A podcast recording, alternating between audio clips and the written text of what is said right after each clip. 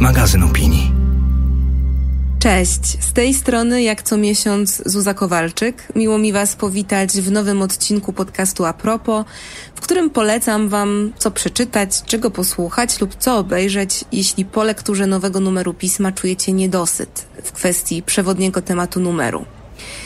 A nowy czerwcowy numer poświęciliśmy tematowi, o którego wadze, istotności nie trzeba raczej nikogo przekonywać, a który powraca szczególnie głośnym echem um, w takich momentach jak ten, czyli praktycznie każdego lata.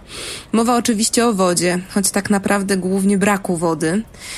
No bo wiemy już dzisiaj z niemal całą pewnością, że woda, którą uznawaliśmy długo za coś oczywistego i wszechobecnego, będzie jednym z ważniejszych i większych deficytów i źródeł konfliktów w XXI wieku. Nie dziwne więc, że przedstawiciele środowisk związanych z biznesem, nauką czy ekologią podzielili się dzisiaj już właściwie wyłącznie na dwie grupy. Tych, którzy nazywają wodę ropą lub złotem XXI wieku oraz tych, którzy uważają wodę za zasób o wiele cenniejszy niż ropa i złoto razem wzięte. Nikt jednak raczej nie wątpi w to, że deficyt słodkiej i czystej wody jest jednym z największych zagrożeń i najbardziej palących wyzwań, jakie stoją obecnie przed ludzkością. A przyczyn tego stanu rzeczy jest oczywiście wiele, zaczynając od kryzysu klimatycznego, który spowodował wzrost temperatur, a więc większe parowanie wody, Um, tak samo jak zmiany w częstotliwościach opadów, co na przykład w Polsce oznacza mniejszą zdolność gleby do magazynowania wody, a więc w efekcie generalnie mniej wody, po konflikty polityczne o to, do kogo należą które zasoby, czy agresywny rozwój przemysłu i rolnictwa, które podkreślmy, rozwijają się, aby zaspokoić nasze coraz bardziej rozbuchane potrzeby konsumpcyjne, a które wody zużywają najwięcej. W 2015 roku na ekrany kin wszedł taki film Big Short w reżyserii Adama McKeya, który opowiadał o kryzysie gospodarczym z 2008 roku. Jeśli go widzieliście, to prawdopodobnie pamiętacie wątki związane ze szkodliwie ustawionym systemem bankowym, e, kredytami hipotecznymi, i krachem gospodarczym, który okazał się nieunikniony przy takim, a nie innym zarządzaniu rynkiem finansowym. Ale nie wiem, czy pamiętacie jego puentę. Na koniec e, filmu dowiadujemy się z planszy z napisami, że jeden z głównych bohaterów, e, który oczywiście jest osobą realną, Michael Berry, czyli człowiek, który jako jeden z pierwszych przewidział przed laty zapaść rynku bankowego Inwestuję od tamtej pory wyłącznie w jeden towar. No i zapewne nie muszę mówić o jaki towar chodzi. Oczywiście nie trudno zrozumieć tę logikę, jeśli prześledzić dane i prognozy dotyczące postępującego pustynnienia czy katastrofalnego wpływu wszechobecnej, niezrównoważonej industrializacji na dostęp do nieskażonej słodkiej wody na świecie. Ale tak naprawdę nie musimy patrzeć na liczby i wykresy, bo wystarczy spojrzeć na byłe i obecne konflikty czy kryzysy wywołane tymi trudnościami z dostępem do wody. Prześledzenie tych tragicznych losów wielu społeczeństw, których ten deficyt wodny zdążył już dotknąć, czy to z przyczyn klimatycznych, czy geopolitycznych, E, może moim zdaniem okazać się dużo bardziej skuteczną lekcją e, i dużo bardziej inspirującym źródłem e, myślenia o rozwiązaniach i koniecznych wdrożeniach. Bo współczesna historia wody to w dużej mierze historia tysięcy przesiedleń i konfliktów zbrojnych, a więc historia cierpienia, bólu i śmierci. A jako, że w każdym odcinku staram się polecić Wam tutaj coś ekstra, co nie znalazło się w felietonie na ostatniej stronie pisma, tym razem niech tą rzeczą będą fotografie Brazylijczyka Sebastiao Salgado. Ci z Was, którzy widzieli film dokumentalny o Salgado, czyli Sól Ziemi z 2014 roku w reżyserii Wima Wendersa i syna Sebastiao, Juliana Ribeiro Salgado, Zapewne domyślają się już, czemu przywołuję to nazwisko w tym kontekście. No bo Salgado portretował największe ludzkie tragedie drugiej połowy XX wieku, odwiedzając najbardziej dotknięte biedą i cierpieniem regiony krajów trzeciego świata. Obejrzyjcie koniecznie jego cykle fotografii, takie jak e, Migrations, Humanity in Transition, The Children, Refugees and Migrants, czy na przykład An Uncertain Grace, albo jeśli macie taką możliwość, e, sprawdźcie sobie przepiękny album pod nazwą Exodus. Ostrzegam, że zdjęcia te są wstrząsające, a jednocześnie powalające. Na swoich fotografiach Salgado pokazuje między innymi co to właśnie znaczy nie mieć tego komfortu odkręcenia kranu, z którego zawsze płynie woda. I jak wiele ludzkich tragedii wydarza się przez odebranie tego podstawowego ludzkiego prawa, jakim jest dostęp do wody. Ile śmierci oraz bólu te historie niosą ze sobą. Oglądajcie zdjęcia Salgado, bo naprawdę warto. Jest to niesamowite doświadczenie. A jeśli chcecie zrozumieć okoliczności tych tragedii, w tym ich szczegółowe przyczyny, przebieg i konsekwencje, polecam Wam książki hydrologa i profesora Instytutu Meteorologii i Gospodarki Wodnej Piotra Kowalczaka. Książki zatytułowane Konflikty o wodę oraz Wodne dylematy urbanizacji. A z pierwszej z nich, czyli konfliktów o wodę, mimo że została wydana aż 13 lat temu, dowiecie się przede wszystkim takich uniwersalnych rzeczy, takich jak mechanizmy wykorzystywania zasobów wodnych w polityce, albo przyczyny i konsekwencje jednoczesnego wzrostu zużycia i pomniejszenia zasobów słodkiej wody. Profesor Kowalczak opowiada w niej o tym, z czego się biorą konflikty o wodę, jakie zagrożenia mogą z deficytu wody wynikać w skali całego świata. Ale chyba najważniejszą konkluzją profesora w tej książce mm, jest ta dotycząca przyszłości tych konfliktów, czyli tego, że konfliktów na tle wody będzie w przyszłości jedynie przybywać i że głównymi poszkodowanymi będą mieszkańcy krajów trzeciego świata. Gdy zdać sobie sprawę ze skali zagrożenia, to naprawdę nie sposób pozostać obojętnym. A z kolei książka Wodne dylematy urbanizacji to solidna dawka wiedzy na temat y, niebezpieczeństw płynących z gwałtownej urbanizacji i coraz częściej występujących ekstremalnych zjawisk pogodowych. E, książka miała być pierwszą częścią trylogii na ten temat, ale przyznam, że poza szumnymi zapowiedziami o kolejnych częściach nie doszukałam się o nich żadnych późniejszych konkretnych informacji.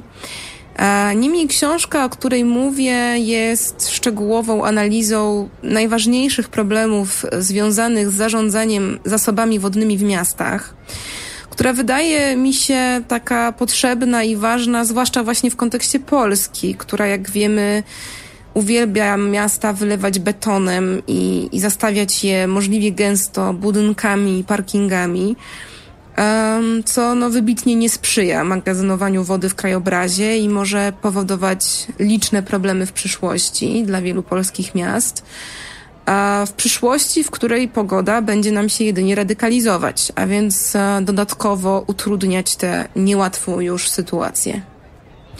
Ale nie ukrywam, że książki profesora Kowalczaka to książki naprawdę naukowe w pełnym tego słowa znaczeniu, a chciałabym polecić Wam też lektury lżejsze i bardziej przystępne. I do takich książek z pewnością należy zaliczyć książkę Aleksandry Kardaś, fizyczki, która specjalizuje się w zmianach związanych z klimatem, a książka ta nosi niezwykle przewrotny tytuł Książka o wodzie. E, zresztą rozmowę z Aleksandrą Kardaś przeczytacie w czerwcowym numerze pisma. Przeprowadził ją Adam Robiński. Ale wracając do książki. Książka jest co prawda bardziej przeglądem ciekawostek związanych z wodą jej właściwościami, związanymi z nią zjawiskami, ale wydaje mi się, że dla tych, którzy chcą zacząć od dosłownych źródeł wody w przyrodzie, będzie to lektura cenna i ciekawa. A drugą, taką polecaną przeze mnie lżejszą w lekturze książką jest um, trochę reportaż, ale trochę też esej znanego i wielokrotnie nagradzanego dziennikarza oraz reportera wojennego Dahra Jemaila. A książka nosi tytuł Koniec lodu. Jak odnaleźć sens w byciu świadkiem katastrofy klimatycznej i jest bardzo osobistą i poruszającą lekturą, takim zapisem intymnego doświadczenia katastrofy, dogłębnego przeżywania straty i, i godzenia się z niewygodną prawdą. E, autor wyrusza w podróż śladami nieobecnego już dzisiaj w wielu miejscach, w których był obecny, lodu a nieobecnego z powodu zmian klimatu oczywiście. I w trakcie tej wyprawy y, Jamail poszukuje przede wszystkim przyczyn i wiedzy o konsekwencjach, które ta nieobecność może przynieść y, nam ludziom, ale tak naprawdę całej przyrodzie. Jamail wyraża jednak z taką samą mocą obawy o te konsekwencje znikania lodu z powierzchni Ziemi jak i swoją bezgraniczną miłość do świata, który odchodzi na naszych oczach. Bardzo polecam wszystkim wrażliwcom, którym temat ten nie jest obojętny. A dla tych, którzy preferują jednak krótki, a przy tym treściwy przegląd wiedzy w wersji dokumentalno popularno-naukowej, polecam serię Unfold poświęconą wodzie na YouTube'owym kanale Kasi Gandor. Pierwszy odcinek e, zatytułowany Czy zabraknie nam wody dotyczy szeroko zakrojonej tematyki zasobów wodnych świata, czyli tak naprawdę napięć wywołanych i brakiem, ale też na przykład nowych technologii, w których wielu naukowców upatruje nadziei na rozwiązanie problemu z wodą. I pojawia się tu na przykład pytanie, które zakładam wielu z nas sobie kiedyś na jakimś etapie chociaż raz zadało. Pytanie o to, czy skoro woda słodka, ta potrzebna nam do przeżycia, stanowi zaledwie niecałe 3% zasobów wodnych planety, to czy naukowcy poszukują jakiejś metody uzdatnienia wody słonej do spożycia, czy nawadniania pól? Ale jest tu też dużo przystępnie przedstawionych danych, pozwalających choć trochę zarysować sobie ten temat i zrozumieć jego złożoność. A drugi odcinek e, jest zatytułowany Susza, kranówka i betonoza, czyli wszystko o wodzie w Polsce. I w tym odcinku Kasia Gandor koncentruje się z kolei na naszym rodzimym kontekście, czyli polskim bilansie wodnym, tym jak my sobie z tą wodą radzimy i jak nią zarządzamy, a nie jest tajemnicą, że sobie nie radzimy i zarządzamy naprawdę źle oraz prognozowanym wpływie zmian klimatu na zasoby wodne w naszym regionie. Ostrzegam jednak, że odcinek ten nie natchnie Was optymizmem, podobnie jak choćby audycja Małgorzaty Gołoty Koniec Świata, która jest dostępna w formie podcastów w aplikacji Tok FM.